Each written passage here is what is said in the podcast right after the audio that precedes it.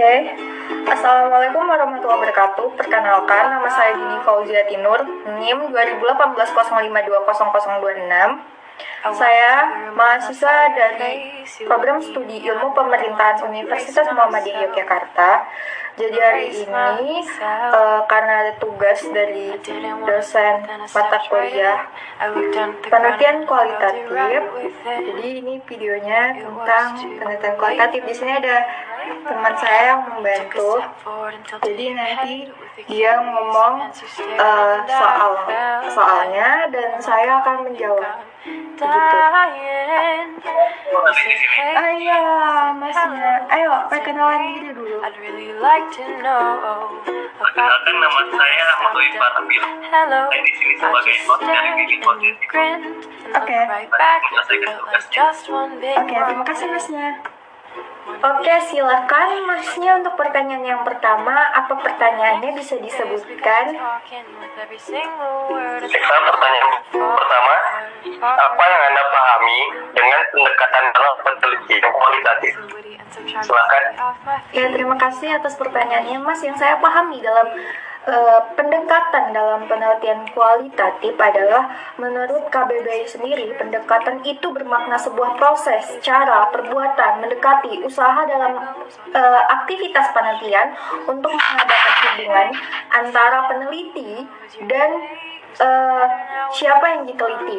Nah, di dalam penelitian kualitatif sendiri, pendekatan adalah kerangka konseptual yang dijadikan acuan dalam penelitian kualitatif. Bagaimana cara si peneliti melakukan interaksi dengan narasumber atau responden yang akan diteliti. Oke, begitu maksudnya kira-kira. Ya, baiklah. Pertanyaan berikutnya. Coba jelaskan fungsi pendekatan dalam penelitian kualitatif. Eh, kalau yang Ya. sudah saya baca itu fungsi dalam penelit pendekatan fungsi pendekatan dalam penelitian kualitatif itu adalah untuk menentukan teknik mana yang akan digunakan si peneliti untuk melakukan penelitian tersebut. Misalkan untuk mengumpulkan data. Jadi si peneliti tidak akan bingung eh, harus berpedoman dari mana data yang akan diambil dan data yang akan diambil tersebut juga nanti hasilnya akan lebih valid dan akurat begitu mohon maaf tadi suara motor hmm. Bismillahirrahmanirrahim. Oke, eh, silakan pertanyaan yang ketiga, masnya. Oke, baik. Pertanyaan nomor tiga. Mohon sebutkan lima pendekatan dalam penelitian kualitatif serta penjelasan definisi singkat dari masing-masing pendekatan tersebut. Oke, terima Silakan kasih dijawab. atas pertanyaannya. Eh, di dalam pen- penelitian kualitatif, pendekatannya itu ada lima. Yang pertama adalah pendekatan naratif eh, sebagai sebuah penelitian yang menjelaskan sesuatu atau serangkaian kejadian secara kronologis.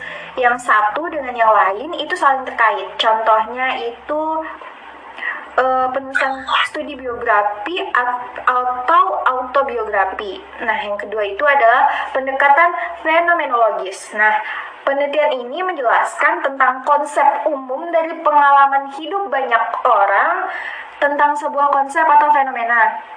Eh, itu lebih ke apa yang dirasakan seseorang tersebut. Jadi kayak gitu.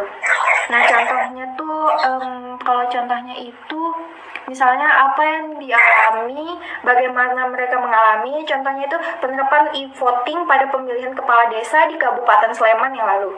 Itu contoh eh, judulnya misalnya. Terus yang ketiga ada pendekatan grounded theory.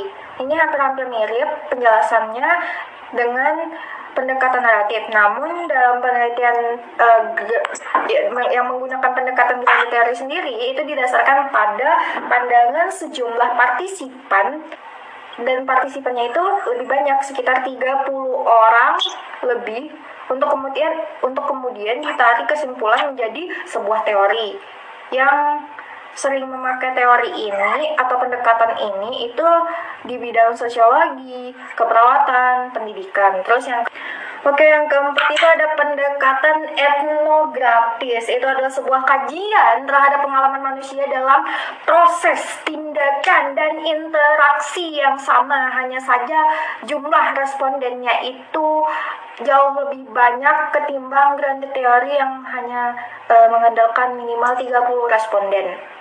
Begitu. Kajiannya itu lebih ke kelompok budaya, hmm, terus kelompok pekerja sosial, dan lain-lain seperti itu.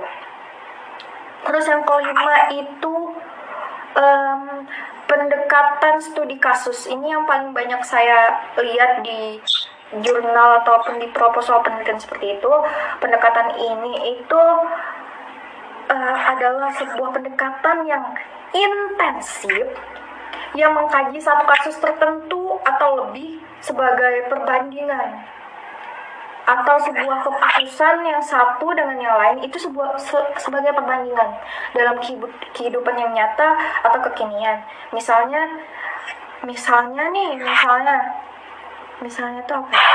Hmm, penerapan kebijakan PSBB di Kabupaten Kutai Kartanegara, studi kasusnya PSBB di Jakarta. Nah, itu dibandingkan lah. Begitu. Begitu. Oke, silakan pertanyaan selanjutnya. Ya, saya nomor 4. Silakan Anda jelaskan secara singkat perbedaan mencolok dari kelima pendekatan tersebut. Silakan. Oke, terima kasih atas pertanyaannya.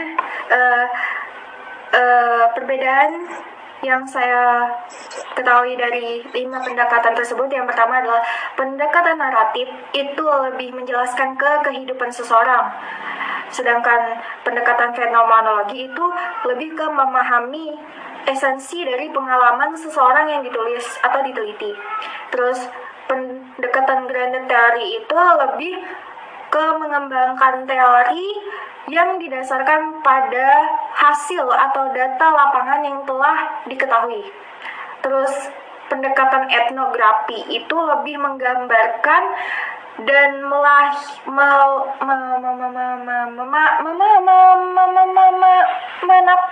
menafsirkan kelompok budaya yang diteliti. Terus studi kasus itu lebih ke mengembangkan penjelasan dan analisis mendalam dari satu atau lebih kasus yang sedang diteliti. Seperti itu. Terima kasih. Begitu. Ya.